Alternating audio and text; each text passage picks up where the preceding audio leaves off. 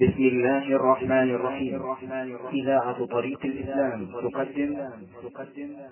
أيها الإخوة هذا هو الشريط السابع والأربعون في شرح رياض الصالحين. وانظر إلى الصوت. قال فيه الرسول عليه الصلاة والسلام لا يزال الناس بخير ما عدل الفقه وفي حديث آخر ليس في الصحيحين وأخر السحور. لماذا؟ لأن تأخير السحور أقوى على الصوم مما لو تقدم.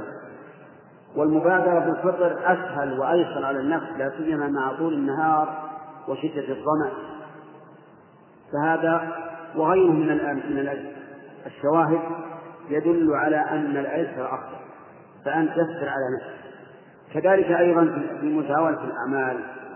إذا رأيت أنك إذا سلكت هذا العمل فهو أسهل وأقرب ويحصل به المقصود فلا تسلم نفسك في أعمال أخرى أكثر من اللازم وأنت لا تحتاج إليه فافعل ما هو أسهل.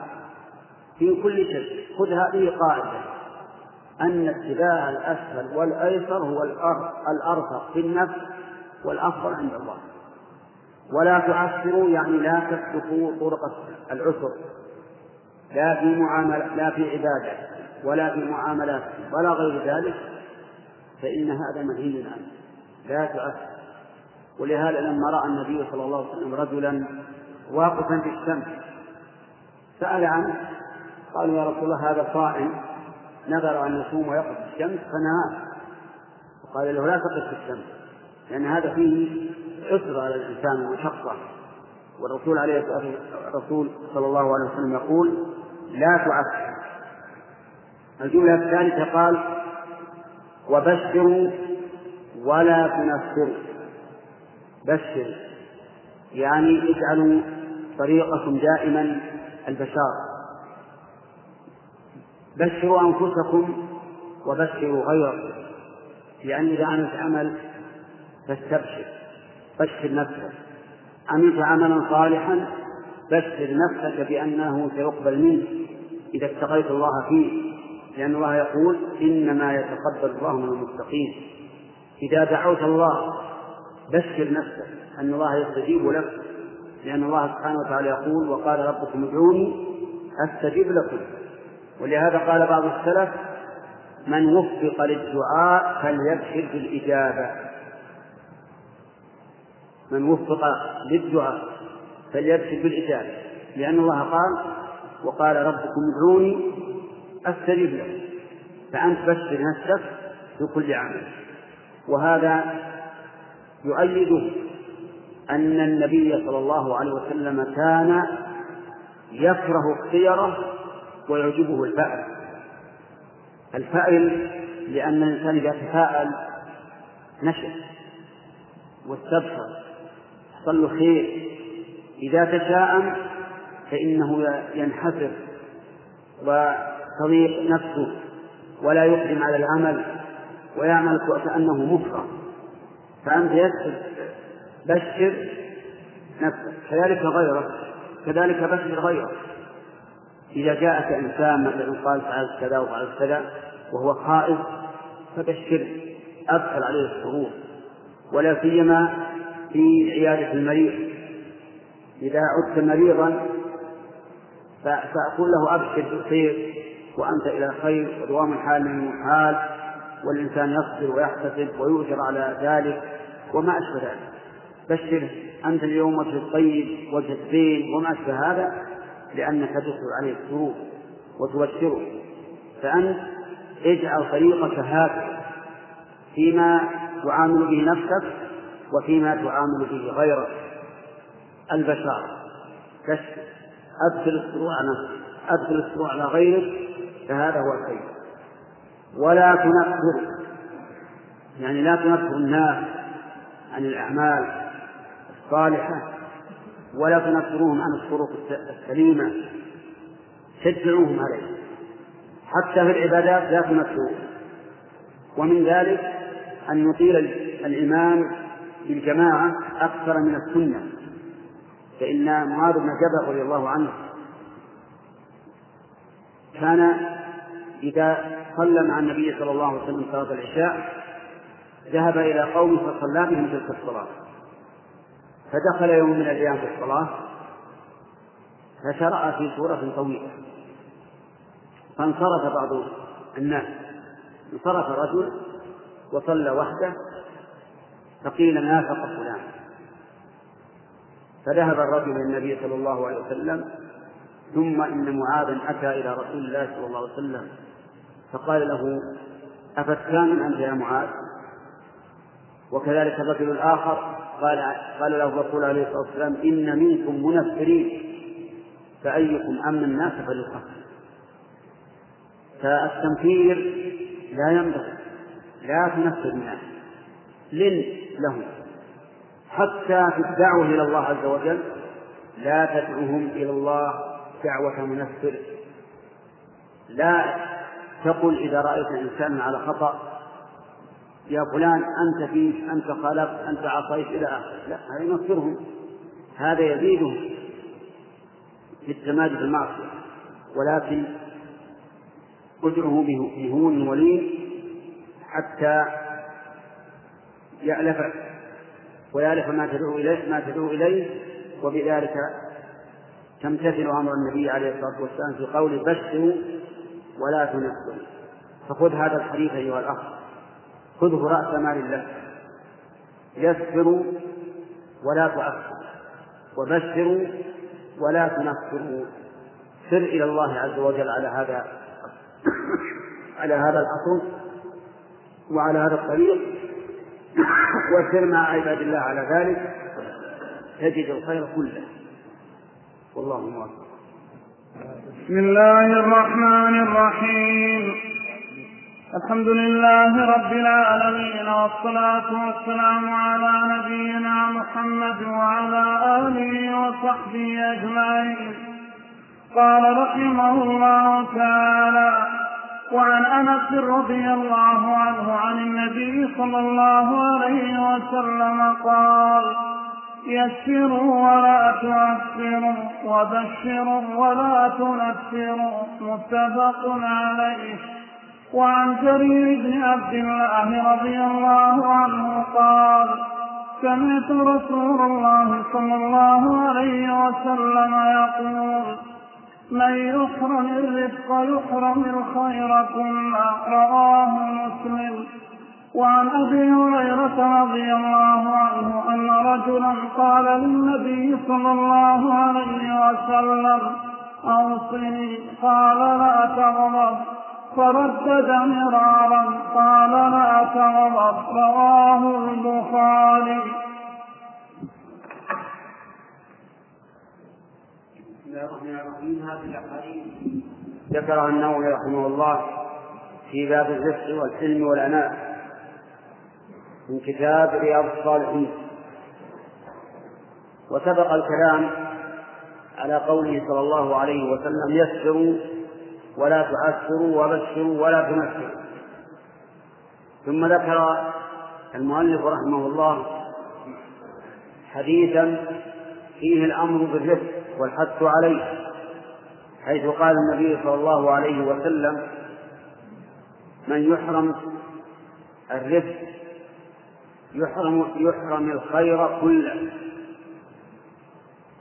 يعني أن الإنسان إذا حرم الرزق في الأمور فيما يتصرف فيه لنفسه وفيما يتصرف فيه مع غيره فإنه يحرم الرزق الخير كله. أي فيما تصرف فيه. فإذا تصرف الإنسان بالعنف والشدة فإنه يحرم الخير فيما فعل. وهذا شيء مجرد مشاهد. أن الإنسان إذا صار يتعامل بالعنف والشدة فإنه يحرم الخير ولا ينال الخير. وإذا كان يتعامل بالرفق والحلم والأناء وسعة الصدر حصل على خير كثير. وعلى هذا فينبغي للإنسان الذي يريد الخير أن يكون دائما رفيقا حتى ينال الخير. أما حديث أبي هريرة فهو أن رجلا قال يا رسول الله أوصني قال لا تغضب فردد مرارا وهو يقول أوصني قال لا تغضب. والمعنى لا تكون سريع الغضب. يستثيرك كل شيء. بل كن مطمئنا متأنيا لأن الغضب جمرة يلقيها الشيطان في قلب الإنسان. حتى يغلي القلب. ولهذا تنتفخ الأوجاع عروق الدم. وتحمر العين. ثم ينفعل الإنسان حتى يفعل شيئا يندم عليه. وإنما أوصى النبي صلى الله عليه وسلم هذا الرجل أن لا يغضب دون أن يوصيه بتقوى الله أو بالصلاة أو بالصيام أو ما أشبه ذلك لأن حال هذا الرجل تقتضي ذلك. ولهذا أوصى غيره بغير هذا الشيء. أوصى أبا هريرة أن يصوم ثلاثة أيام من كل شهر وأن يوتر قبل أن ينام وأوصى أبا الدرجة بمثل ذلك. وأما هذا فأوصاه أن لا يغضب أوصاه أن لا يغضب لأن النبي صلى الله عليه وآله وسلم علم من حاله أنه غضوب كثير الغضب. فلذلك قال لا تغضب. والغضب يحمل الإنسان على أن يقول كلمة الكفر على أن يطلق زوجته على أن يضرب أمه على أن يعق أباه كما هو مشاهد معلوم. ثم تجد الإنسان من حين ما يتصرف يبرد ثم يندم ندما عظيما وما أكثر الذين يسألون غضبت على زوجتي فطلقت. غضبت عليه فطلقت بالثلاث غضبت على فلان وحرمت عليه وما أشبه ذلك. فأنت لا تغضب. لا تغضب فإن الغضب لا شك أنه يؤثر على الإنسان حتى يتصرف تصرف المجانين. ولهذا قال بعض العلماء إن الإنسان إذا غضب غضبا شديدا حتى لا يدري ما يقول فإنه لا عبرة بقوله. لا ولا ولا أثر لقوله. إن كان طلاقا فإن امرأته لا تطلق.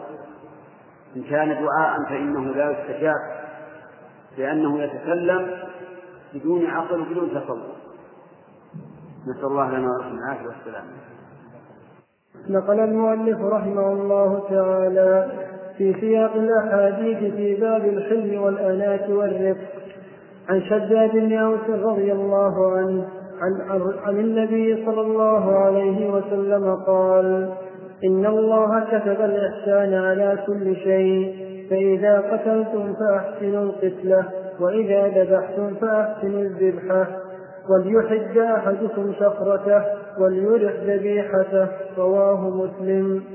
وعن عائشة رضي الله عنها قالت ما خير رسول الله صلى الله عليه وسلم بين أمرين قط. إلا أخذ أيسرهما ما لم يكن إثما فإن كان إثما كان أبعد الناس منه. وما انتقم رسول الله صلى الله عليه وسلم لنفسه في شيء قط إلا أن تنتهك حرمة الله فينتقم لله تعالى. متفق عليه. وعن ابن مسعود رضي الله عنه قال قال رسول الله صلى الله عليه وسلم ألا أخبركم بمن يحرم على النار أو بمن تحرم عليه النار؟ تحرم على كل قريب هين لين سهل رواه الترمذي وقال حديث حسن. قال المؤلف النووي رحمه الله في كتابه رياض الصالحين في باب الرزق والحلم والأناة في سياق الأحاديث الواردة في ذلك. نقل عن شداد بن أوس رضي الله عنه أن النبي صلى الله عليه وسلم قال إن الله كتب الإحسان على كل شيء فإذا قتلتم فأحسنوا القتلة وإذا ذبحتم فأحسنوا الذبح كتبه على كل شيء يعني في كل شيء. كتب الإحسان في كل شيء يعني أن الله عز وجل شرع الإحسان في كل شيء. حتى في القتل حتى في الذبح وغير ذلك من الأمور. أن تكون محسنا لما تقوم به. فإذا قتلتم فأحسنوا القتلة وإذا ذبحتم فأحسنوا الذبح.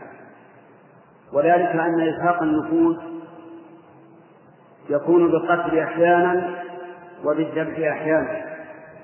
فإن كان فيما يحل فهو ذبح ونحر وإن كان فيما لا يحل فهو قتل. فالذبح والنحر يكون فيما يحل أي فيما يؤكل النحر للإبل والذبح لما سواه. النحر يكون للإبل والذبح يكون فيما سواها فيما سوى الإبل. والنحر يكون في أسفل الرقبة مما يلي النحر مما يلي الصدر. والذبح يكون في أعلى الرقبة مما يلي الرقبة. ولا بد في الذبح والنحر لا بد من قطع الوجين وهما العرقان الغليظان اللذان يجري منهما الدم ويتوزع على بقية البدن. لأن النبي صلى الله عليه وآله وسلم قال ما أنهر الدم وذكر اسم الله عليه فكلوا ولا ينهر الدم إلا قطع الوجهين. فالشرط في حل المدفى أو المنثور أن يقطع الوجان أما المل الذي هو مجرى النفس أما الحلقوم الذي هو مجرى النفس والمري الذي هو مجرى الطعام فقطعهما أكمل في الذبح والنحر ولكن ليس ذلك بشرط. وأما القتل فيكون فيما لا يحل أصله فيما أمر بقتله وفيما أبيح قتله. ففيما أمر بقتله أمر بقتل الفأر بقتل العقرب بقتل الحية بقتل الكلب العقور. فتقتل هذه الأشياء. وكذلك كل مؤذن فإنه يقتل وعند العلماء قاعدة يقولون ما آذى طبعا قتل شرعا. ما آذى طبعا يعني ما كان طبيعته الأذى فإنه يقتل شرعا. وما لم يؤذي طبعا ولكن صار منه أذية فلك قتله. لكن هذا الأخير مقيد فلو آذاك النمل في البيت وصار يحفر البيت ويفسده فلك قتله وإن كان منهيا عنه في الأصل لكن إذا آذاك فلك قتله. وكذلك غيره مما لا مما لا يؤذي طبعا ولكن يعرف له تعرف منه الأذية فاقتله. إذا لم يندفع إلا بالقتل. فمثلا إذا أردت أن تقتل فأرة وقتلها مستحب فأحسن القتلة اقتلها بما يزهق روحها حالا. لا تؤذيها ومن أذيتها ما يفعله بعض الناس يضع لها شيئا لاصقا تلتصق به ثم يدعها تموت جوعا وعطشا. وهذا لا يجوز. فإذا وضعت هذا اللاصق فلا بد أن تكرر مراجعة هذا اللاصق ومراقبته حتى إذا وجدت فيه شيئا لاصقا اقتله. أما أن تترك هذا اللاصق يومين ثلاثة وتقرأ فيه الفارة وتموت عطشا أو جوعا فإنه يخشى عليك أن تدخل النار بذلك. لأن النبي صلى الله عليه وسلم قال دخلت النار امرأة في هرة حبستها حتى ماتت. لا هي أطعمتها ولا هي أكلتها تأكل من خشاش الأرض. المهم أن ما يشرع قتله فاقتله بأقرب ما يكون من من إهلاكه وإتلافه ومن ذلك الوزغ. الوزغ الذي يسمى السام الأبرص يسمى البعد. أيضا اقتل واحرص على أن تقتله أن يموت في أول مرة فهو أفضل وأعظم أجرا وأيسر له.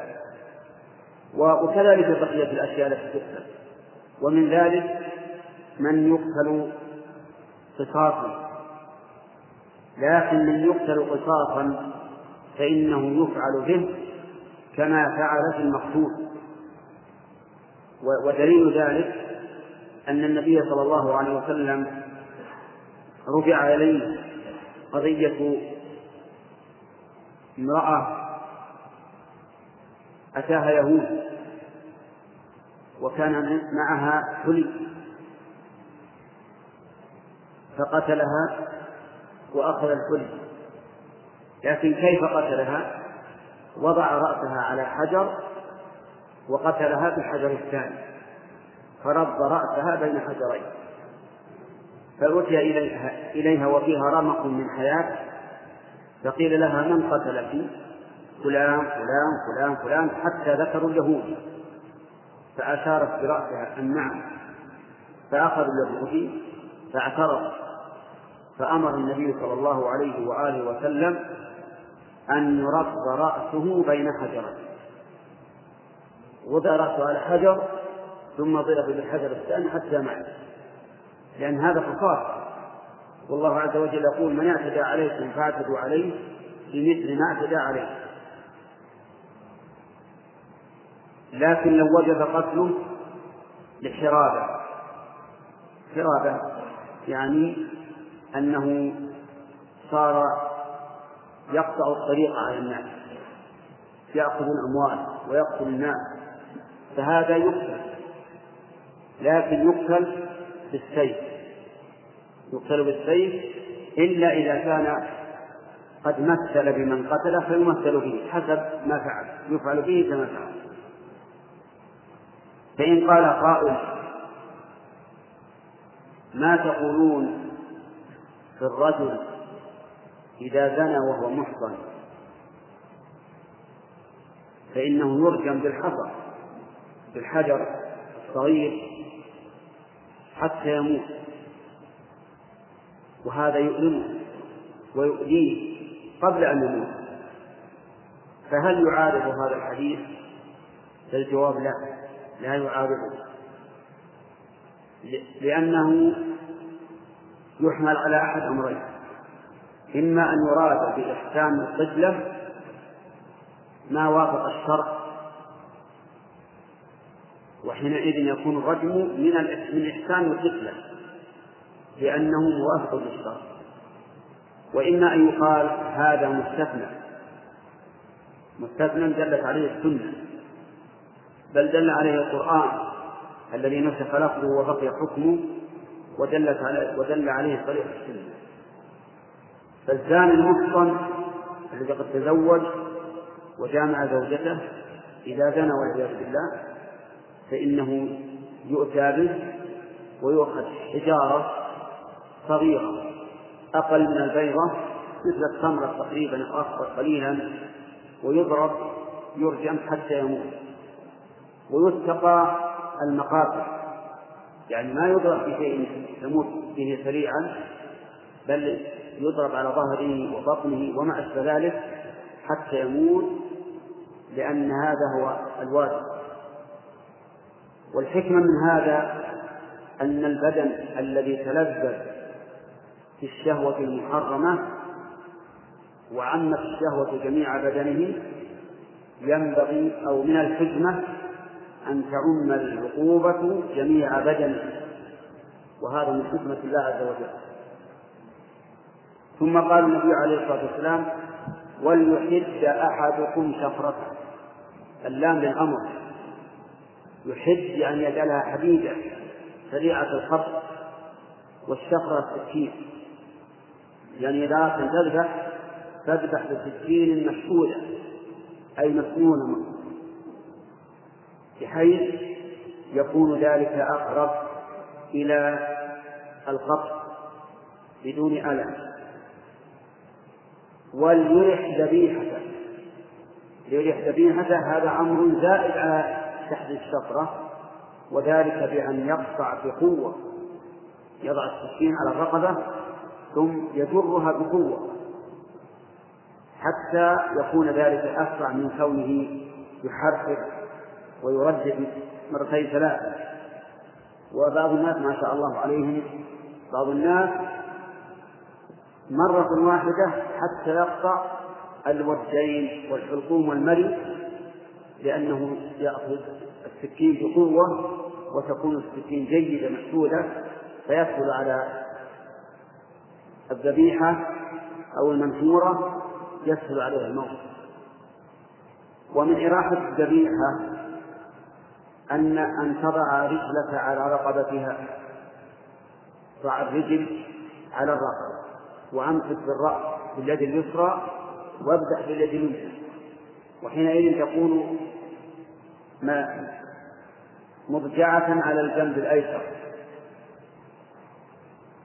ودع القوائم. اليدين والرجلين دع خلها تتحرك. بسهولة. لأنك إذا أمسكت بها فإن هذا ضغط عليها وإذا تركتها تتحرك بيديها ورجليها كان هذا أيسر لها. وفيها أيضا فائدة وهو تفريغ الدم في هذه الحركة. لأنه مع الحركة والاضطراب يتفرغ الدم أكثر وكلما تفرغ فهو أحسن وأما ما يفعله بعض العامة من أنه يأخذ بيدها اليسرى ويلويها على عنقها ثم يبرك على قوائم ثلاث رجل ويمسك بها حتى لا تتحرك أبدا فهذا خلاف السنة سنة أنك تضع الرجل على الرقبة ثم تدع القوائم تتحرك. لأن ذلك أيسر لها وأشد فراغا أو تفريغا للدم. وليحد أحدكم شفرته وليرح ذبيحه الشاهد من هذا الحديث قوله عليه الصلاة والسلام إذا قتلتم فأحسنوا القتلة وإذا ذبحتم فأحسنوا الذبحة فإن هذا من الذبح والله موفق. نعم.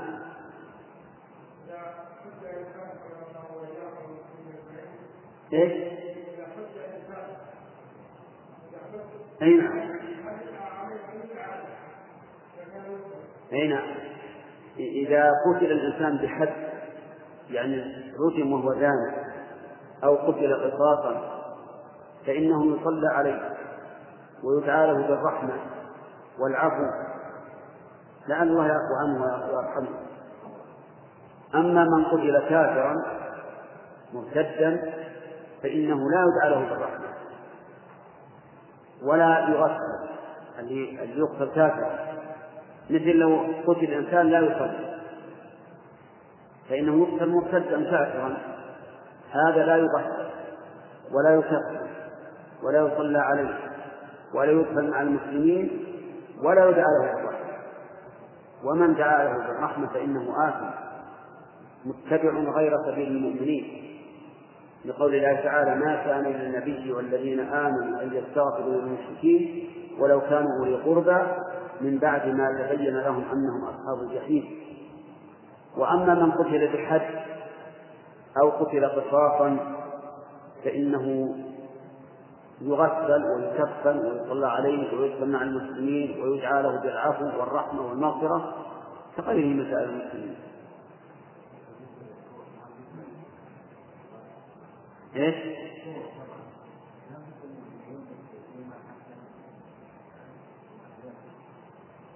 إذا كنت لا تستطيع أن تذبح إلا بربط اليدين واليدين فلا بأس لحاجة مثل ما كان في البعير إذا أردنا أن ننحر البعير نعقل يده اليسرى.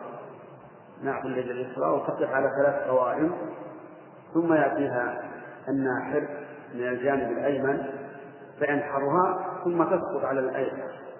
تسقط على الجنب الأيسر لأن اليد اليسرى معقولة ما في شيء تعتمد عليه فتسقط على الجنب الأيسر بعد أن تذبح وتترك ترفق في قوائمها حتى تذبح. البقرة تذبح ذبح تضجع أولا ثم تذبح كما تذبح الشاة. فإذا كنت لا تستطيع أن تذبحها وأرجلها أرجلها مطلقة فلا بأس أن تربطها حتى تتمكن من ذبحها وإراحتها.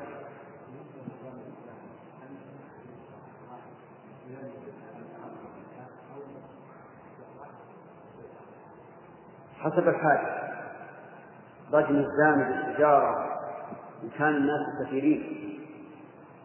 ترمه مرة واحدة بحذر ثم انصرف لتفتح المجال لغيره.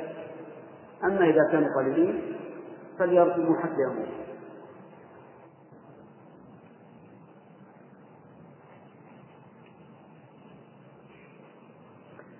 بسم الله الرحمن الرحيم. الحمد لله رب العالمين والصلاة والسلام على نبينا محمد وعلى آله وصحبه أجمعين. قال رحمه الله تعالى باب العفو والإعراض عن الجاهلين قال الله تعالى خذ العفو وأمر بالعرف وأعرض عن الجاهلين وقال تعالى فاصفح الصفح الجميل وقال تعالى وليعفوا وليصفحوا ألا تحبون أن يغفر الله لكم؟ والله غفور رحيم. وقال تعالى والكاظمين الغيظ والعافين عن الناس والله يحب المحسنين. وقال تعالى ولمن صبر وغفر إن ذلك لمن عزم الأمور.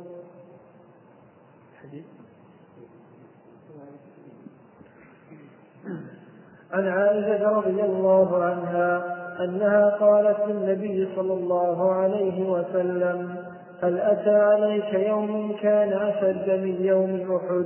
قال لقد لقيت من قومك وكان أشد ما لقيته منهم يوم العقبة إذ عرضت نفسي على ابن عبد يليل بن عبد كلال إذ عرضت نفسي على ابن عبد يليل بن عبد كلال فلم يجبني إلى ما أردت فانطلقت وأنا مهموم على وجهي. فلم أستفق إلا وأنا بقرن الثعالب. فرفعت رأسي وإذا أنا بسحابة قد أضلتني. فنظرت فإذا فيها جبريل عليه السلام. فناداني فقال إن الله تعالى قد سمع قول قومك لك وما ردوا عليك. وقد بعث إليك ملك الجبال لتأمره بما شئت فيهم. فناداني ملك الجبال فسلم علي ثم قال يا محمد إن الله قد سمع قول قومك لك وأنا ملك الجبال. وقد بعثني ربي إليك لتأمرني بأمرك فما شئت إن شئت أطبقت عليهم الأخشبين. فقال النبي صلى الله عليه وسلم بل أرجو أن يخرج الله من أصلابهم من يعبد الله وحده لا يشرك به شيئا. متفق عليه. قال المؤلف النووي في كتابه رياض الصالحين باب العفو والإعراض عن الجاهلين ثم ساق آيات تكلمنا عليها سابقا. في أبواب سبقت ثم ذكر حديث عائشة رضي الله عنها أنها سألت النبي صلى الله عليه وسلم هل مر عليك يوم أشد من يوم أحد؟ لأن يوم أحد كان شديدا على رسول الله صلى الله عليه وسلم. يوم أحد كان غزو غزوة غزاها النبي صلى الله عليه وآله وسلم حين تجمعت قريش لغزوه لينتقموا من من النبي صلى الله عليه وسلم فيما حصل من قتل زعمائهم في بدر. لأنه قتل في بدر وهي في السنة الثانية. قتل من زعمائهم أناس لهم شرف وجاه في قريش. وفي شوال من السنة التي تليها وهي الثالثة اجتمعت قريش فجاءوا إلى المدينة ليغزوا ليغزوا النبي صلى الله عليه وسلم.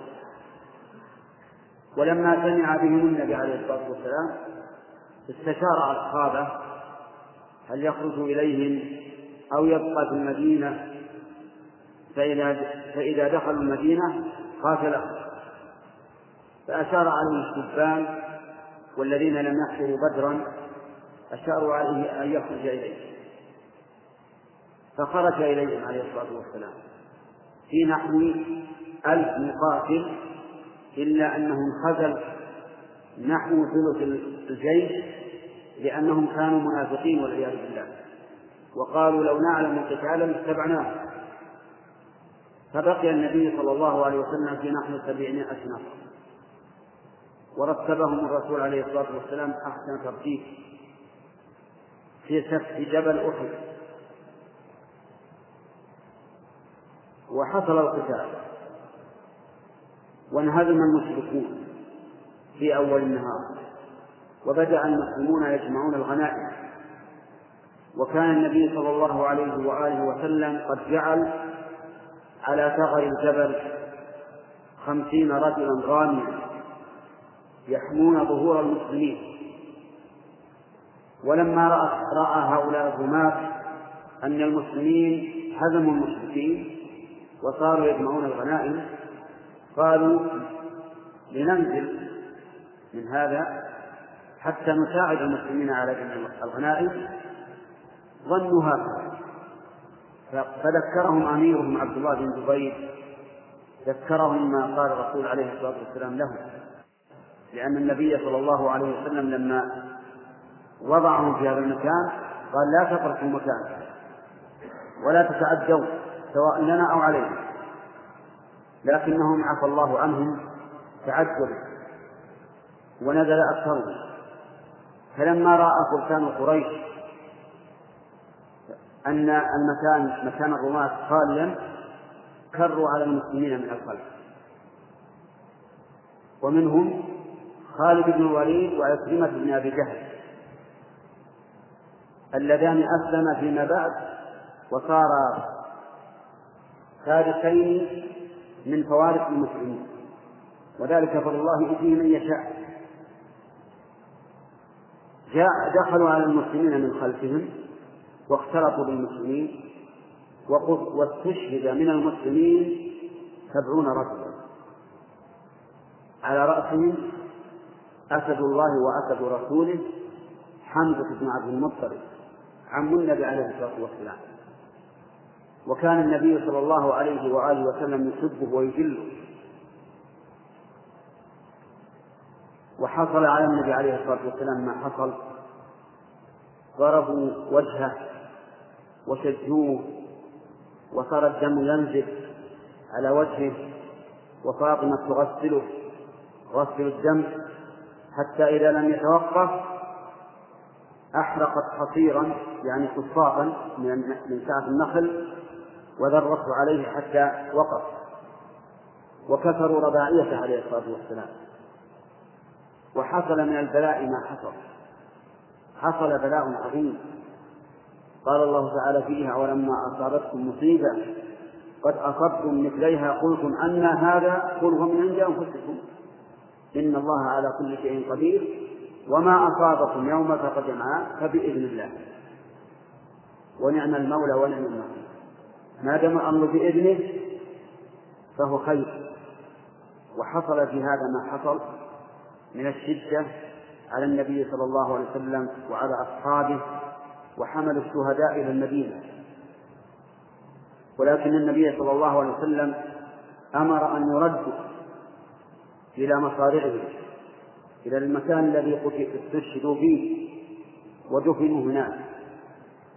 ليخرجوا يوم القيامة من هذا المكان الذي استشهدوا فيه رضي الله عنهم وأرضاهم.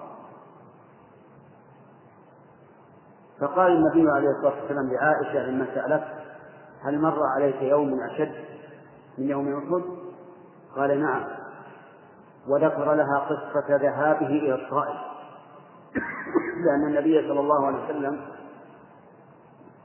لما دعا قريشا في مكة ولم يستجيبوا له خرج إلى الطائف ليبلغ كلام الله عز وجل. ودعا أهل الطائف لكن كانوا أفه من أهل مكة. اجتمعوا هم وسفهاؤهم وصاروا صفين متقابلين في طريق النبي عليه الصلاة والسلام. وجعلوا يرمونه بالحجارة يرمونه بالحصى حتى أدموا عقبة. صلى الله عليه وسلم وخرج خرج مغموما مهموما ولم يفق إلا وهو في قرن السعادة. فرفع رأسه فأضلته غمامة فرفع رأسه. فإذا في هذه الغمامة جبريل عليه السلام.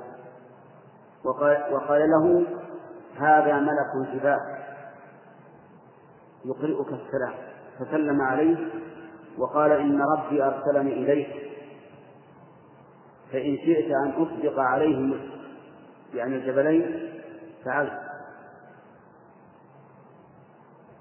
ولكن النبي صلى الله عليه وسلم لحلمه وبعد نظره وتأنيه في الأمر قال لا لأنه لو أطلق عليهم الجبلين هلكوا. لا وإني لأرجو أن يخرج الله من أصلابهم من يعبد الله وحده لا يشرك به شيئا وهذا الذي حصل أن الله تعالى أخرج من أصلاب هؤلاء المشركين الذين آذوا الرسول صلى الله عليه وسلم. هذه الأذية العظيمة أخرج من أصلابهم من يعبد الله وحده لا يشرك به شيئا فهذا يبين أن الرسول عليه الصلاة والسلام حصل له أشد مما حصل من السوء. وحصل له أنواع من الأذى لكنه صادق ومن أعظم مما كان أنه كان ذات يوم ساجدا ساجدا تحت الكعبة يصلي لله.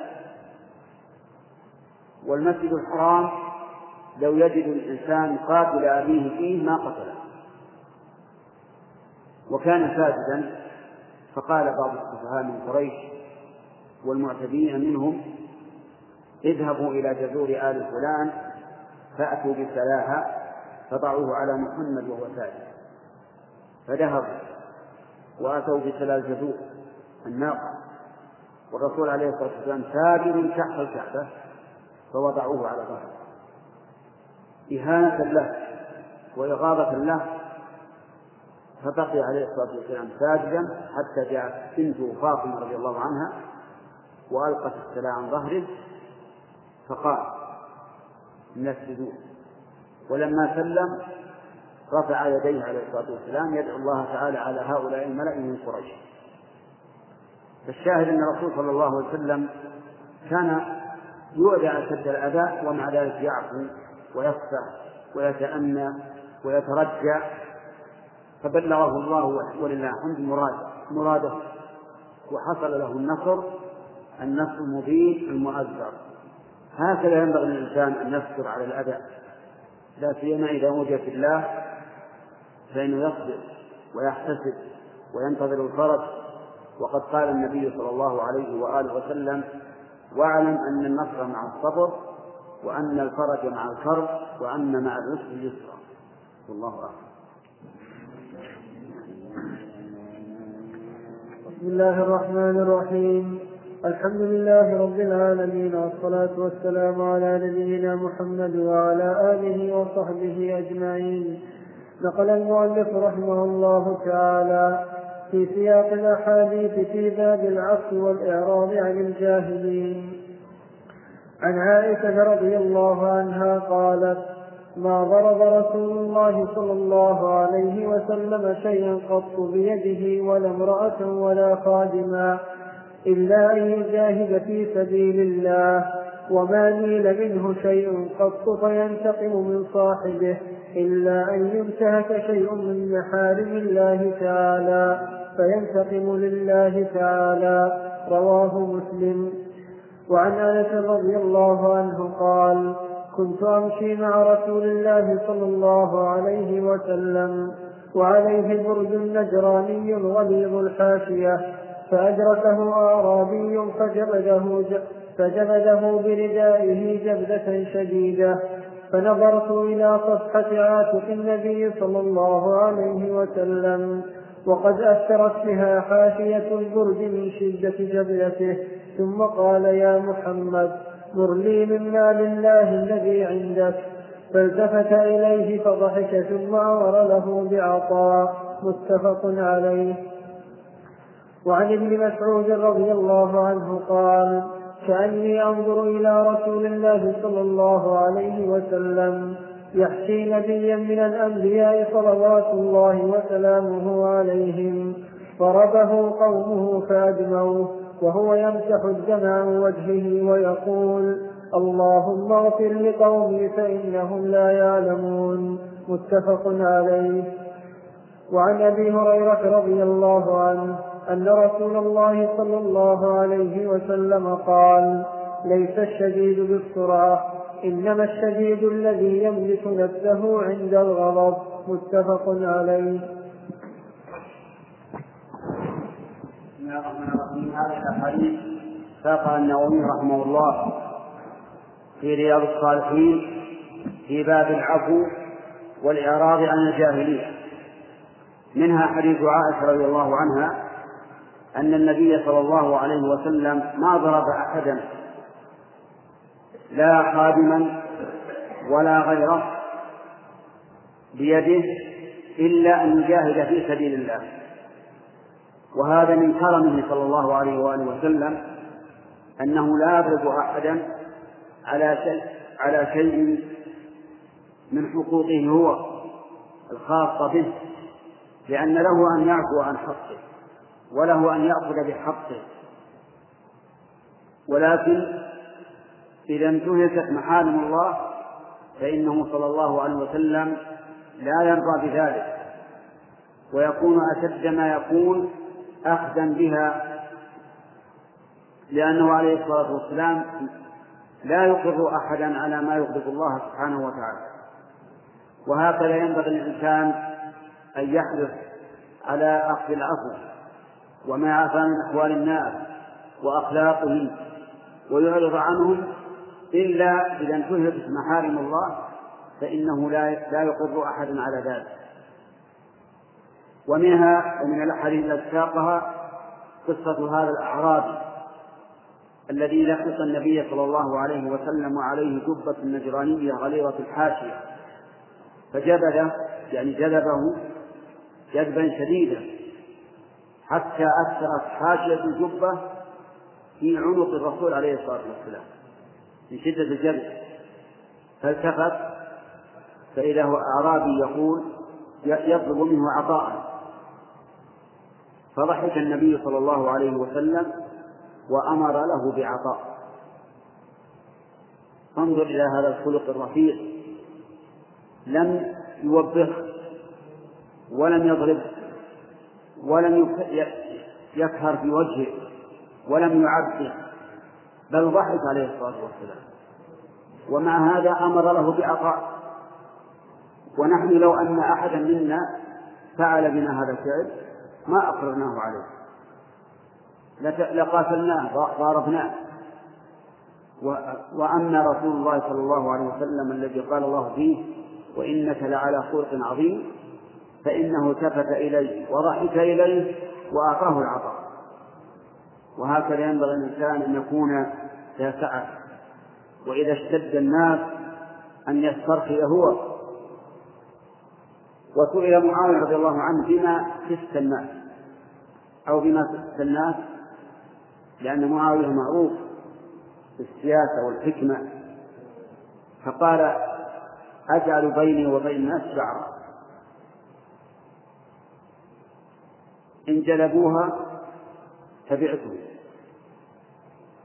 وإن وإن جلبتها تبعوني لكن لا تنقطع. يعني معناها أن سهل الامتياز لأن الشعرة إذا جعلت بينك وبين صاحبك إذا جلبها أدنى جلب انقطعت لكن من حسن سياسة رحمه رضي الله عنه كان يسوس الناس بهذه السياسة إذا رآهم مقبلين استقبلهم وإذا رآهم مدبرين تبعهم حتى يتمكن منهم فهكذا ينبغي للإنسان أن يكون دائما في سياسته رفيقا حليما كما كان النبي صلى الله عليه وسلم هكذا. نسأل الله تعالى أن يرزقنا وإياكم حسن الآداب والأخلاق.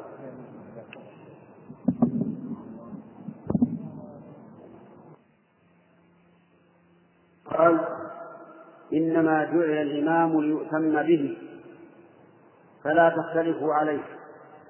فإذا كبر فكبروا وإذا ركع فاركعوا. وإذا سجد فاسجدوا وإذا قال سمع الله لمن حمده فقولوا ربنا ولك الحمد. وإذا صلى قائما فصلوا قياما. وإذا صلى قاعدا فصلوا قعودا أجمعون. هذا الحديث يدل على أهمية الاقتداء بالإمام. وأن الإمام لم يجعله الله عز وجل إماما لا يقتدى به لأن هذا أعني عدم الاقتداء به الاقتداء به ينافي كونه إمام. فإذا كبر فكبر ولا تتأخر عنه لا تتسوق ولا تلتفت إذا كبر فبادر بالتكبير من أجل أن تدرك فضيلة تكبيرة الإحرام. ولا تكبر حتى يكبر لأنه يقول إذا كبر إذا انتهى من التكبير فكبر. قال العلماء فلو شرع بتكبيرة الإحرام قبل أن يتمم الإمام التكبير فإن صلاته لا تنعقد وتكون باطلة. وأما من تأخر يتسوق أو يدعو أو ما أشبه ذلك فإنه يفوته فضل تكبيرة الإحرام. فأنت من حين ما يكبر إمامك فكبر. ولهذا قال النبي عليه الصلاة والسلام إذا أقيمت الصلاة فلا صلاة إلا المكتوبة لأجل أن لا يتأخر الناس ويتوانوا عن الدخول مع الإمام من أول الصلاة. واختلف العلماء في قوله إذا أقيمت الصلاة فلا صلاة إلا المكتوبة فقيل المعنى يرحمك الله. فقيل المعنى لا تبتدئ الصلاة بعد بعد الإقامة إلا الصلاة الحاضرة. وقيل المعنى لا صلاة ابتداء ولا إتماما. وعلى هذا القول الثاني إذا شرع المؤذن في الإقامة تقطع الصلاة. ولكن القول الصحيح أنه إذا أقيمت الصلاة فإن كنت في الركعة الثانية فأتمها خفيفة وإن كنت في الركعة الأولى فاقطعها. لأن النبي صلى الله عليه وسلم قال من أدرك ركعة من الصلاة فقد أدرك الصلاة فإذا أدركت ركعة قبل أن تنهى عن الصلاة فأنت أدركت الصلاة كملها وأما إذا كنت في الركعة الأولى فاقطعها وادخل مع الإمام. قال وإذا قال سمع الله لمن حمده فقولوا ربنا ولك الحمد. ولا تقولوا سمع الله لمن حمده. وأما من قال من العلماء إنك تجمع بين سمع الله لمن حمده وربنا ولك الحمد كما كما يجمع بينهما الإمام والمنفرد فإن قوله ضعيف. لأن الرسول صلى الله عليه وآله وسلم قال إذا قال سمع الله لمن حمده فقولوا ربنا ولك الحمد. ولم يقل قولوا سمع الله لمن حمده وربنا ولك الحمد. وإذا صلى قائما فإننا نصلي قياما. وإذا صلى قائدا فإننا نصلي قعودا ولو كنا قادرين على القيام. وهذا يدل على أهمية الاقتداء بالإمام يعني لو لو مثلا فرضنا رجلان أحدهما أقرأ من الثاني لكن الأقرأ لا يستطيع القيام. فصلى قاعدا فإن الثاني يصلي قاعدا ولو كان قادرا على القيام. وكذلك لو فرضنا الإمام دخل الإمام المسجد ولم يستطع أن يصلي قائما فإنه يصلي قاعدا وكل الجماعة ولو كانوا عشرة صفوف أو أكثر يصلون قعودا. ولو كانوا قادرين على القيام. لأن الرسول صلى الله عليه وآله وسلم صلى ذات يوم بأصحابه جالسا فقاموا فأشار إليهم أن يجلسوا. فجلسوا وصلوا جلوسا تبعا للإمام. ومما يدل على أهمية التبعية أن الإمام إذا قام عن التشهد الأول ناسيا وجب على الناس أن يتبعوه على المأمومين ولو تركوا التشهد لأنهم يتبعون إمامهم ويدل لذلك أيضا أنك لو دخلت مع الإمام في صلاة العصر في الركعة الثانية فإنك تجلس معه إذا جلس في التشهد الأول. وجلوسك هذا جلوس في غير محله لأنك أنت في الركعة الأولى. وإذا قام هو إلى إلى الرابعة فإنك تقوم. وقيامك هذا ليس في موضعه لأنك يجب عليك أن تشاهد التشهد الأول. فأنت الآن انظر تركت التشهد في محله وتشهدت في غير محله كل هذا من أجل متابعة من أجل متابعة الإمام. قال الشيخ الإسلام ابن تيمية رحمه الله ومن ذلك إذا كان الإمام لا يجلس جلسة الاستراحة. وأنت ترى جلسة الاستراحة يعني ترى أنها سنة ولكن إمامك لا يجلس فلا تجلس. من أجل تمام المتابعة. وإذا كان الإمام يرى الجلسة وجلس وأنت لا ترى الجلسة فاجلس تبعا للإمام فتكون تترك الجلسة التي تسمى جلسة الاستراحة إذا لم يجلس إمامه تبعا له. وتجلس إذا جلس تبعا له ولو كنت لا ترى ذلك. وما قاله رحمه الله هو الحق لقول النبي عليه الصلاة والسلام إنما جعل الإمام ليؤتم به فلا تختلفوا عليه. وأنت إذا جلست وهو قائم فقد اختلفت عليه. أما اختلاف النية بين الإمام والمأموم فلا بأس به. فلو صليت العصر خلف من يصلي الظهر فلا بأس. ولو صليت العشاء خلف من يصلي المغرب فلا بأس. ولكن إذا سلم من الثالثة تقوم وتأتي بالرابعة. ولو كان فاتت صلاة الفجر مثلا ودخلت ووجدت شخصا يتنفل يصلي راتبة الفجر فصليت معه بنية الفريضة وهو نافلة فلا بأس. فاختلاف النية لا يضر الذي يضر هو اختلاف الفعل أن تخالفه في أفعاله. والله موفق. سبحان الله سبحان الله سبحان الله سبحان الله. بسم الله الرحمن الرحيم. الحمد لله رب العالمين. وصلى الله وسلم على نبينا محمد وعلى آله وأصحابه ومن تبعهم بإحسان إلى يوم الدين. أما بعد فقد قال الله سبحانه وتعالى فويل للمصلين الذين هم عن صلاتهم ساهون. ويل تأتي في القرآن كثيرا ومعناها الوعيد. الوعيد بالويل والثبور لمن فعل كذا وكذا. فهي كلمة وعيدية لمن فعل ما يذكر. هنا يقول ويل للمصلين الذين هم عن صلاتهم ساهون. هم يصلون لكنهم ساهون عن صلاتهم غافلون عنها. لا يقيمون حدودها ولا يأتون بواجباتها ولا يتورعون عن مسجداتها فمن ذلك أي من إضاعة الصلاة أن يفرط الإنسان في وضوء فلا يتوضأ على الوجه المطلوب منه.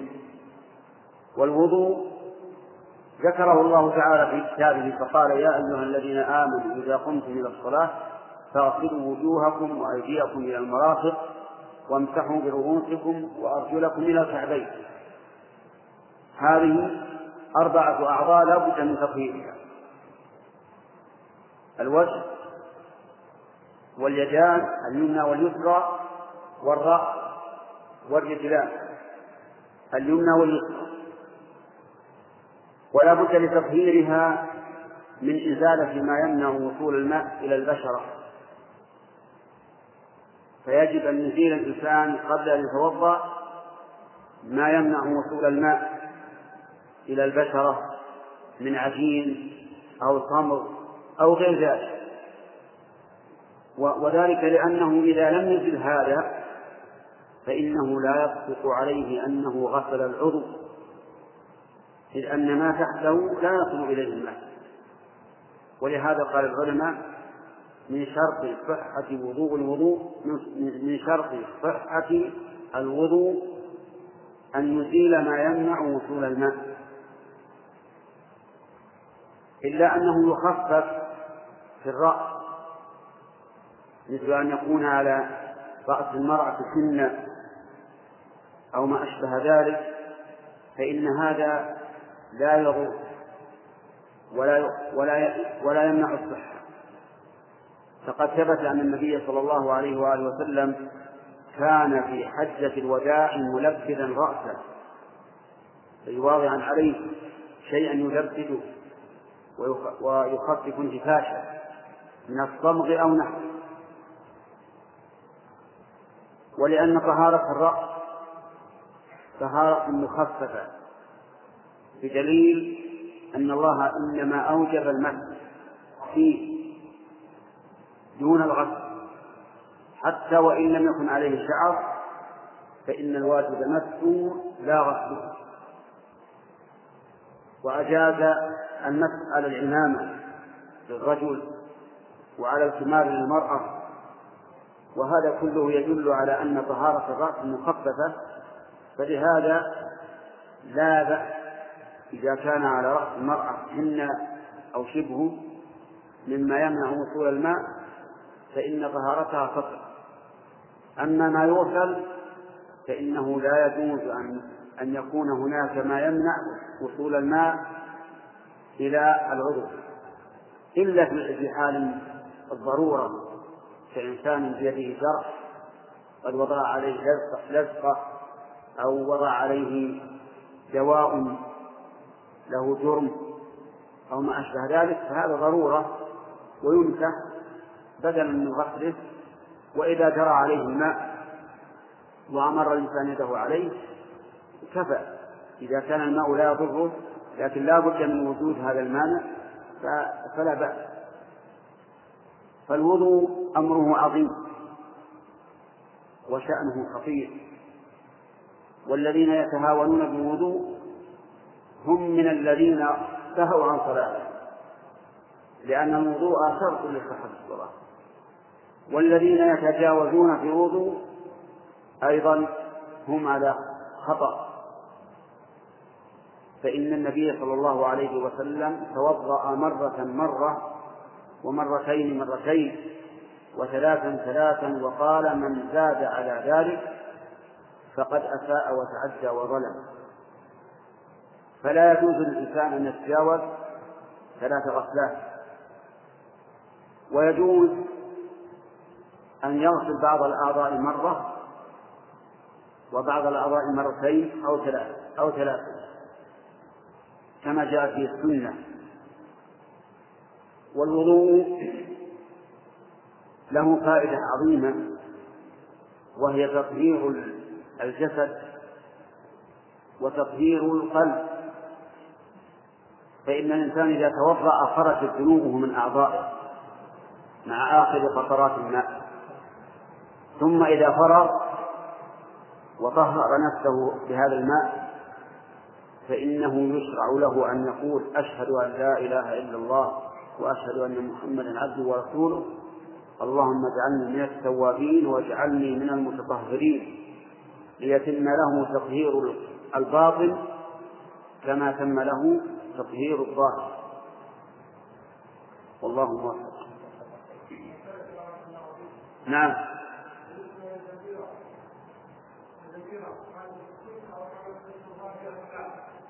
هل إيش؟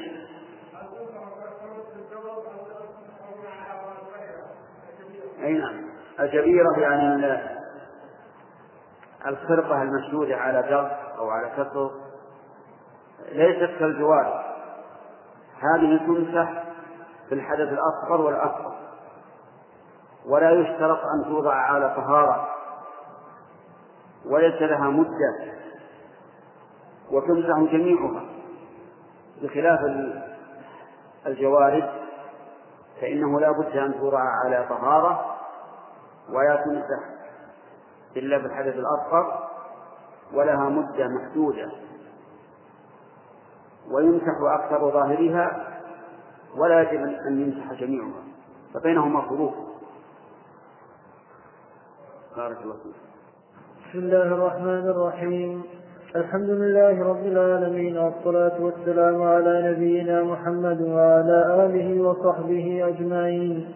نقل المؤلف رحمه الله تعالى في سياق الأحاديث في باب العفو والإعراض عن الجاهلين. عن ابن مسعود رضي الله عنه قال كأني أنظر إلى رسول الله صلى الله عليه وسلم يحكي نبيا من الأنبياء صلوات الله وسلامه عليهم. ضربه قومه فأجمعوه وهو يمسح الدم عن وجهه ويقول اللهم اغفر لقومي فإنهم لا يعلمون. متفق عليه. وعن أبي هريرة رضي الله عنه أن رسول الله صلى الله عليه وسلم قال ليس الشديد بالسرعة إنما الشديد الذي يملك نفسه عند الغضب. متفق عليه. بسم الله الرحمن الرحيم. نقل النووي رحمه الله في رياض الصالحين في باب العفو والإعراض عن الجاهلين.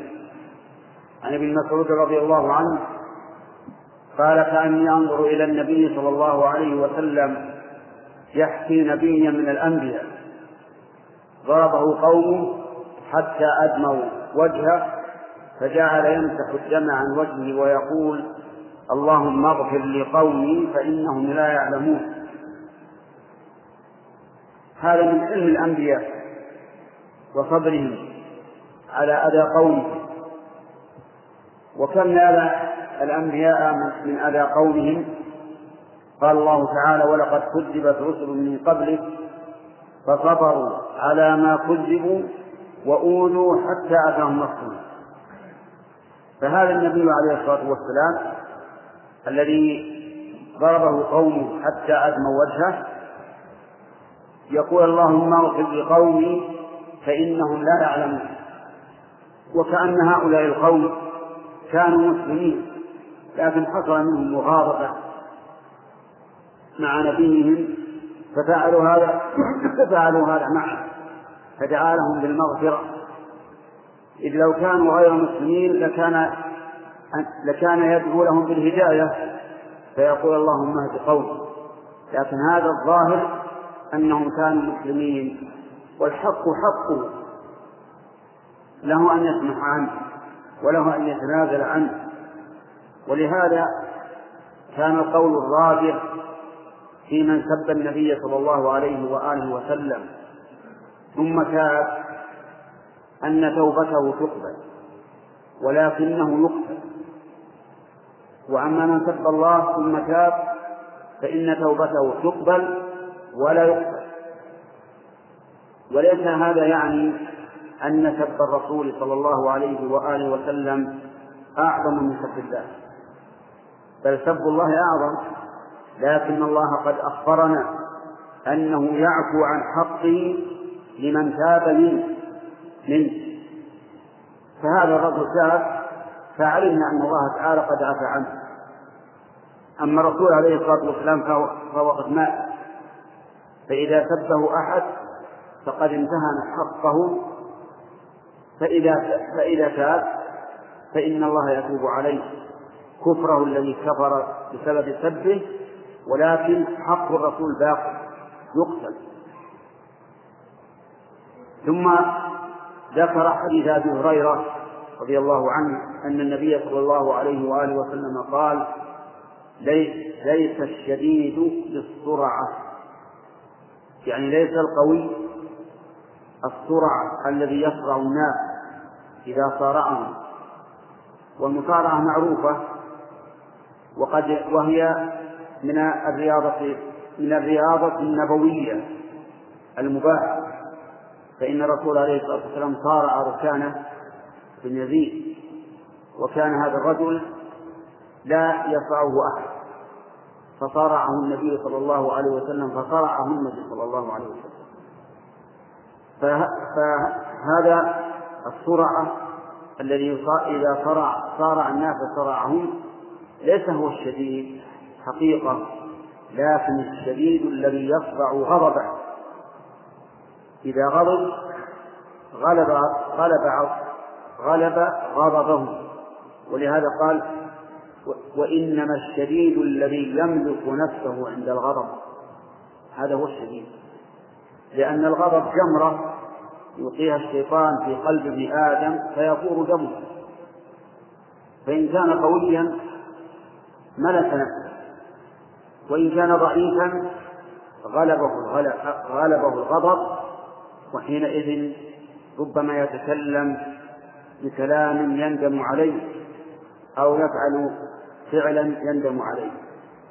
ولهذا قال رجل للرسول صلى الله عليه وآله وسلم أوصني قال لا تغضب قال أوصني قال لا تغضب قال أوصني قال لا تغضب.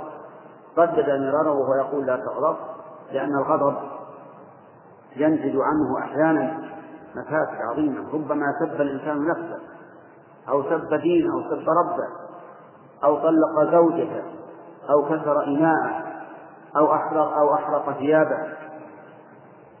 كثير من الوقائع تصدر من بعض الناس إذا غضبوا كأنما صدرت من المجنون. ولهذا كان القول الراجح أن الإنسان إذا غضب حتى لا يملك نفسه ثم طلق زوجته فإنها لا تصل لأن هذا حصل عن غلبة ليس عن اختيار. والطلاق عن غلبة لا يقع كطلاق المكره والله موفق.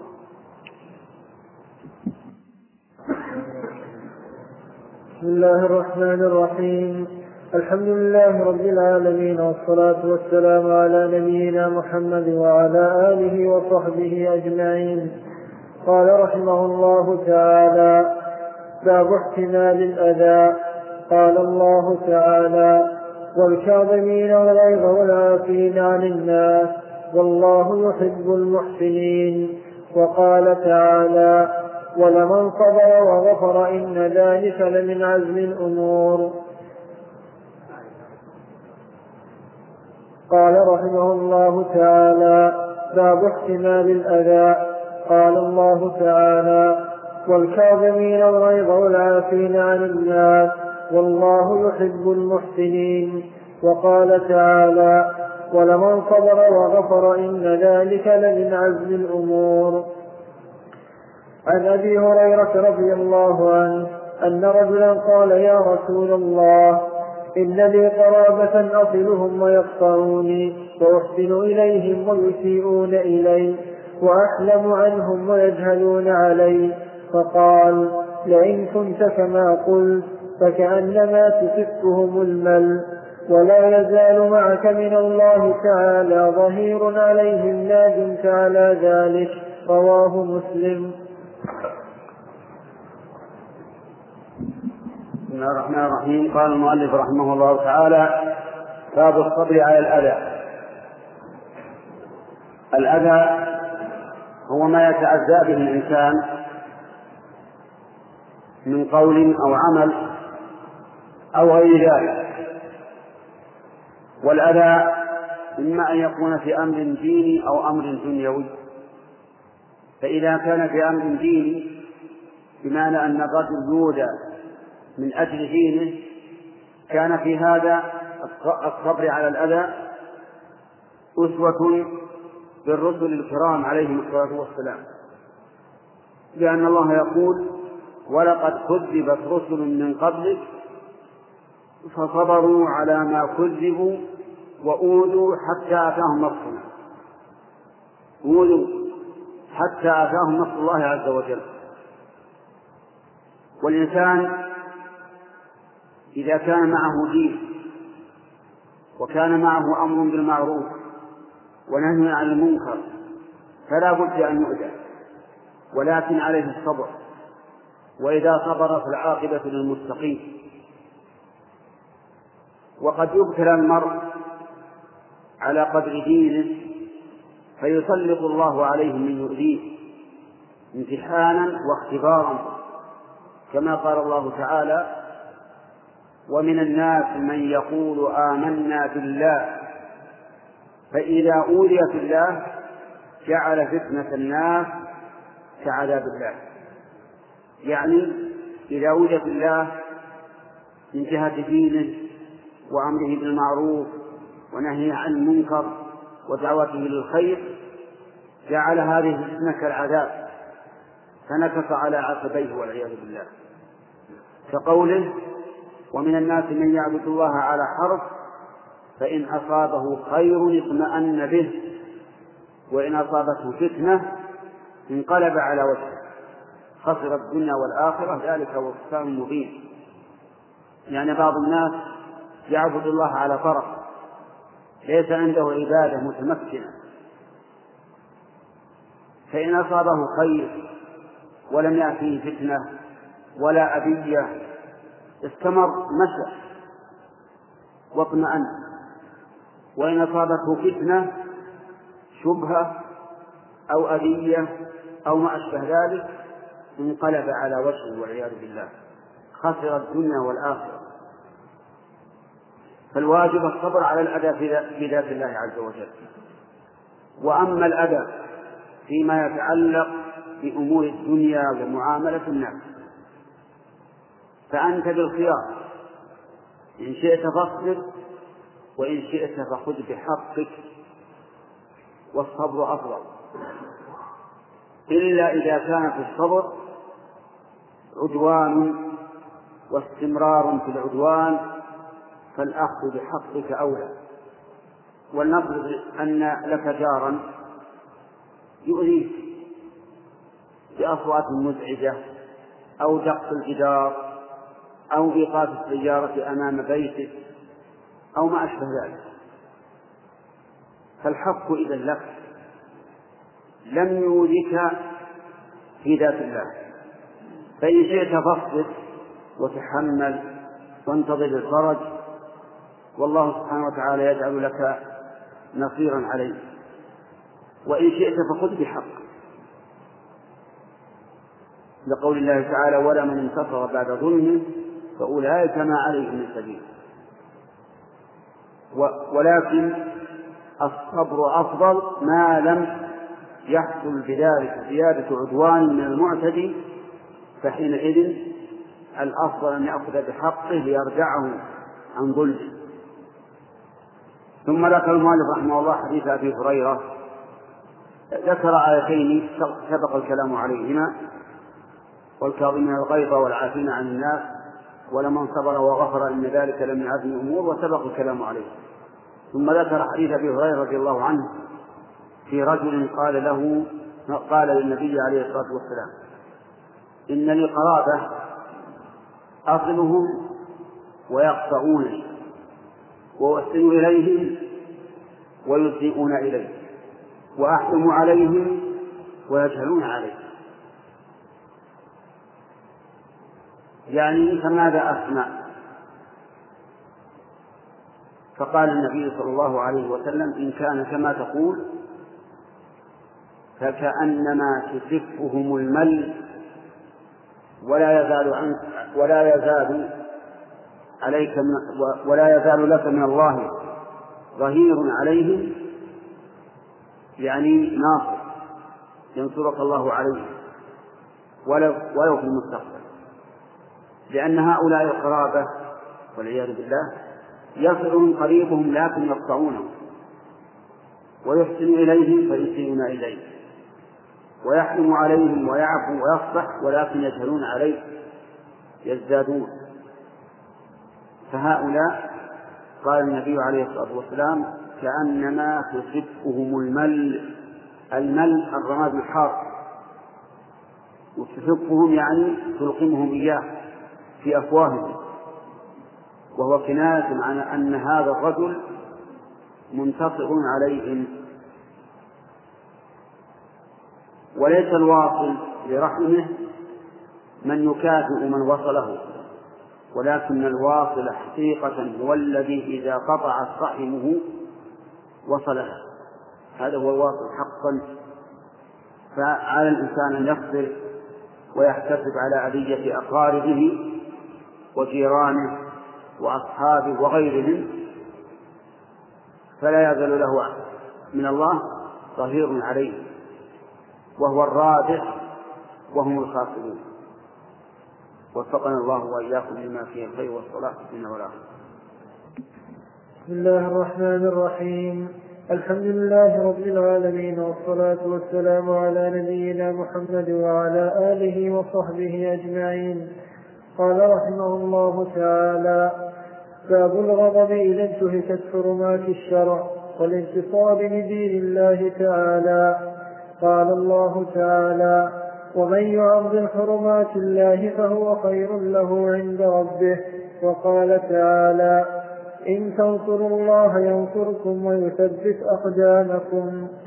وفي الباب أحاديث منها وفي الباب أحاديث منها عن عقبة بن عمرو عن عقبة بن عمرو البدري رضي الله عنه قال جاء رجل إلى النبي صلى الله عليه وسلم فقال إني لا أتأخر عن صلاة الصبح من أجل فلان مما يطيل بنا فما رأيت النبي صلى الله عليه وسلم غضب في موعظة قط أشد مما غضب يومئذ فقال يا أيها الناس إن منكم منفرين فأيكم أما الناس فليوجز فإن من ورائه الكبير والصغير وذا الحاجة.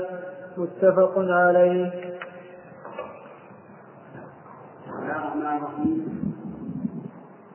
قال الحافظ النووي رحمه الله في كتابه رياض الصالحين في باب الغضب إذا انتهكت شعائر الله عز وجل حرمات حرمات الشرع والغضب له عدة أسباب. منها أن ينتصر الإنسان لنفسه يفعل يفعل أحد معه ما يغضبه فيغضب لينتصر لنفسه. وهذا منهي عنه. هذا الغضب منهي عنه. لأن لأن رجلا سأل النبي صلى الله عليه وآله وسلم قال له أوصني. قال لا تغضب. فردد مرارا يقول أوصني وهو يقول لا تغضب والثاني من أسباب الغضب الغضب لله عز وجل. في أن يرى الإنسان شخصا ينتهك حرمات الله فيغضب غيرة لدين الله وحمية لدين الله فإن هذا محمود ويثاب الإنسان عليه لأن الرسول صلى الله عليه وسلم كان هذا من من من سنته. ولأنه داخل في قوله تعالى ومن يعظم حرمات الله فهو خير له عند ربه. ومن يعظم شعائر الله فإنها من تقوى القلوب. فتعظيم شعائر الله وتعظيم حرمات الله أن يجدها الإنسان عظيما وأن يجد امتهانها عظيما. فيغضب ويفعل لذلك حتى يفعل ما أمر به من الأمر بالمعروف والنهي عن المنكر وغير ذلك. ثم ذكر المؤلف آية ثانية وهي قوله تعالى إن تنصروا الله ينصركم ويثبت أقدامكم. يا أيها الذين آمنوا إن تنصروا الله ينصركم ويثبت أقدامكم. والمراد بنصر الله نصر دينه. فإن الله سبحانه وتعالى بنفسه لا يحتاج إلى نصر. هو غني عمن سواه. لكن النصر هنا نصر دين الله. بحماية الدين والذب عنه والغيب عند انتهاكه. وغير ذلك من أسباب نصر الشريعة. ومن هذا الجهاد في سبيل الله.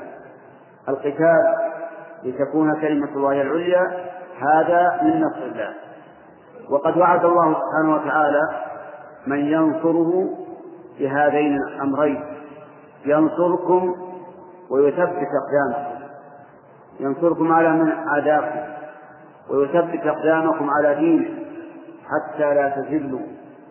فتأمل الآن إذا نصرنا الله مرة أثابنا مرتين.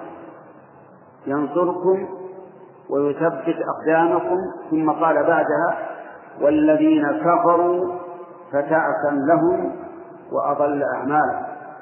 يعني أن الكافرين أمام المؤمنين الذين ينصرون الله لهم التعب وهو الخسران والذل والهوان وأضل أعمالهم يعني تكون يكون تدبيرهم تدميرا عليه تكون أعمالهم ضالة لا تنفعهم ولا ينتفعون بها.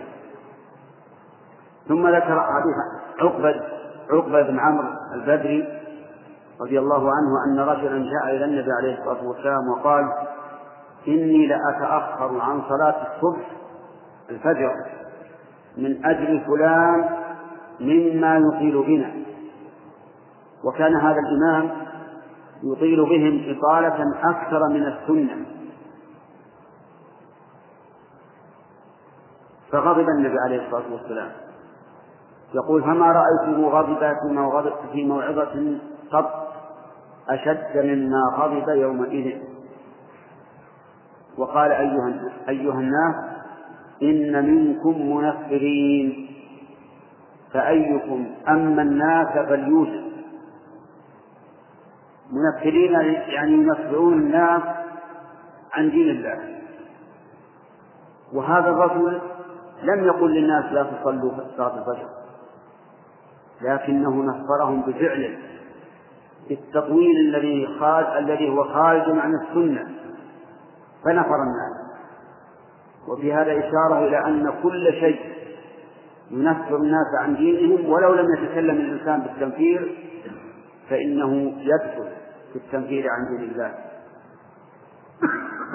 ولهذا كان الرسول عليه الصلاة والسلام يجاري في الأمور الشرعية فيترك ما هو حسن لدرء ما هو أشد منه فتنة وضررا فإنه صلى الله عليه وآله وسلم هم أن يبني الكعبة على قواعد إبراهيم.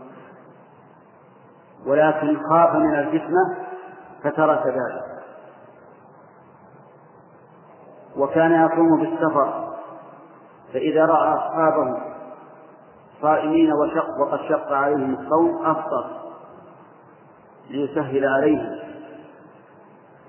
فكون الإنسان يحرص على أن يقبل الناس دين الله بطمأنينة ورضا وإقبال بدون محذور شرعي فإن هذا هو الذي كان من هدي الرسول عليه الصلاة والسلام.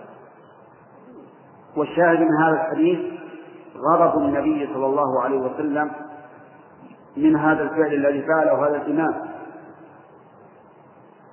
وفيه أيضا إشارة إلى أن النبي صلى الله عليه وآله وسلم كان يغضب عند الموعظة لانتهاك حرمات الله. وقد قال جابر رضي الله عنه كان النبي صلى الله عليه وسلم إذا خطب يوم الجمعة احمرت عيناه وعلى صوته واشتد غضبه حتى كأنه منذر جيش يقول صبحكم ومساكم ثم قال عليه الصلاة والسلام أيكم أن أما الناس فليوجد. يعني فليخفف الصلاة. على حسب ما جاءت به السنة. فإن من فإن من ورائه الضعيف والمريض وذا الحاجة. في المأمومين ضعيف ضعيف البنية ضعيف القوة فيهم مريض فيهم ذو حاجة قد وعد أحد يذهب إليه أو ينتظر أحدا أو ما أشبه ذلك فلا يجوز للإمام أن يثقل في الناس أكثر مما جاءت به السنة. وأما صلاته بالناس بحسب ما جاءت السنة ما جاءت به السنة فليفعل غضب من غضب ورضي من رضي. والذي لا ترضيه السنة فلا أرضاه الله. السنة تتبع ولكن ما زاد عليها فلا. والأئمة في هذه الحال أو في هذه المسألة ينقسمون إلى ثلاثة أقسام. قسم مفرد. يسرع سرعة تمنع المأمومين فعل ما يسمى. وهذا مخطئ. وآثم. ولم يؤدي الأمانة التي عليه. وقسم مفرط أي زائد. يثقل بالناس وكأنه يصلي لنفسه. فتجده يثقل القراءة والركوع والسجود. والقيام بعد الركوع والجلوس بين السيدتين وهذا أيضا مخطئ. ظالم لنفسه.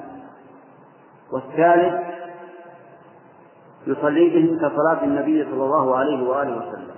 فهذا خير الأقسام وهو الذي قام بالأمانة على الوجه الأكمل. والله موفق. الحمد لله رب العالمين والصلاة والسلام على نبينا محمد وعلى آله وصحبه أجمعين.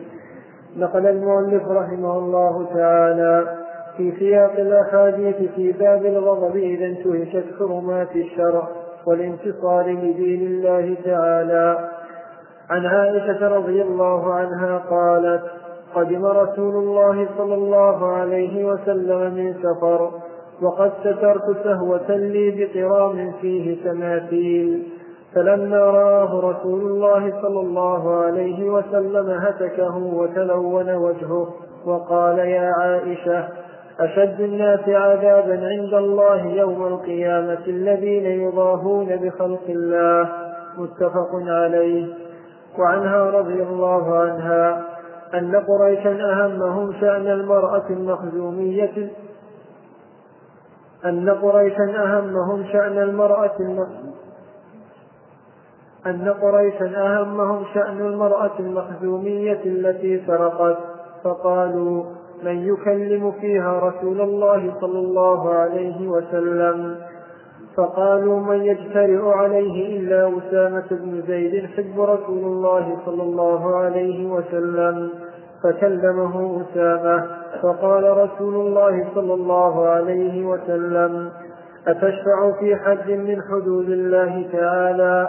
ثم قام فاختطب ثم قال إنما أهلك من كان قبلكم أنهم كانوا إذا سرق فيهم الشريف تركوه وإذا سرق فيهم الضعيف أقاموا عليه الحد.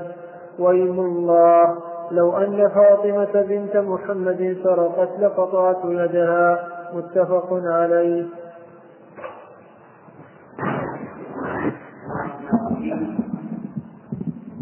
نقل المؤلف النووي رحمه الله في كتابه رياض الصالحين في باب الغضب إذا انتهت إذا انتهك شرع الله عز وجل. وسبق لنا الكلام على الآيات التي صدر بها المؤلف هذا هذا الباب. وأما الأحاديث فمنها حديث عائشة رضي الله عنها أن النبي صلى الله عليه وآله وسلم قدم من سفر فوجدها قد سفرت شهوة لها بقران فيه تماثيل يعني فيه صور فهتكه النبي صلى الله عليه وآله وسلم وأخبر أن أشد الناس عذابا الذين يضاهئون بخلق الله يعني المصورين فهم أشد الناس عذابا لأنهم أرادوا أن يضادوا الله سبحانه وتعالى في خلقه في تصويره. مع تحيات إخوانكم في إذاعة طريق الإسلام والسلام عليكم ورحمة الله وبركاته.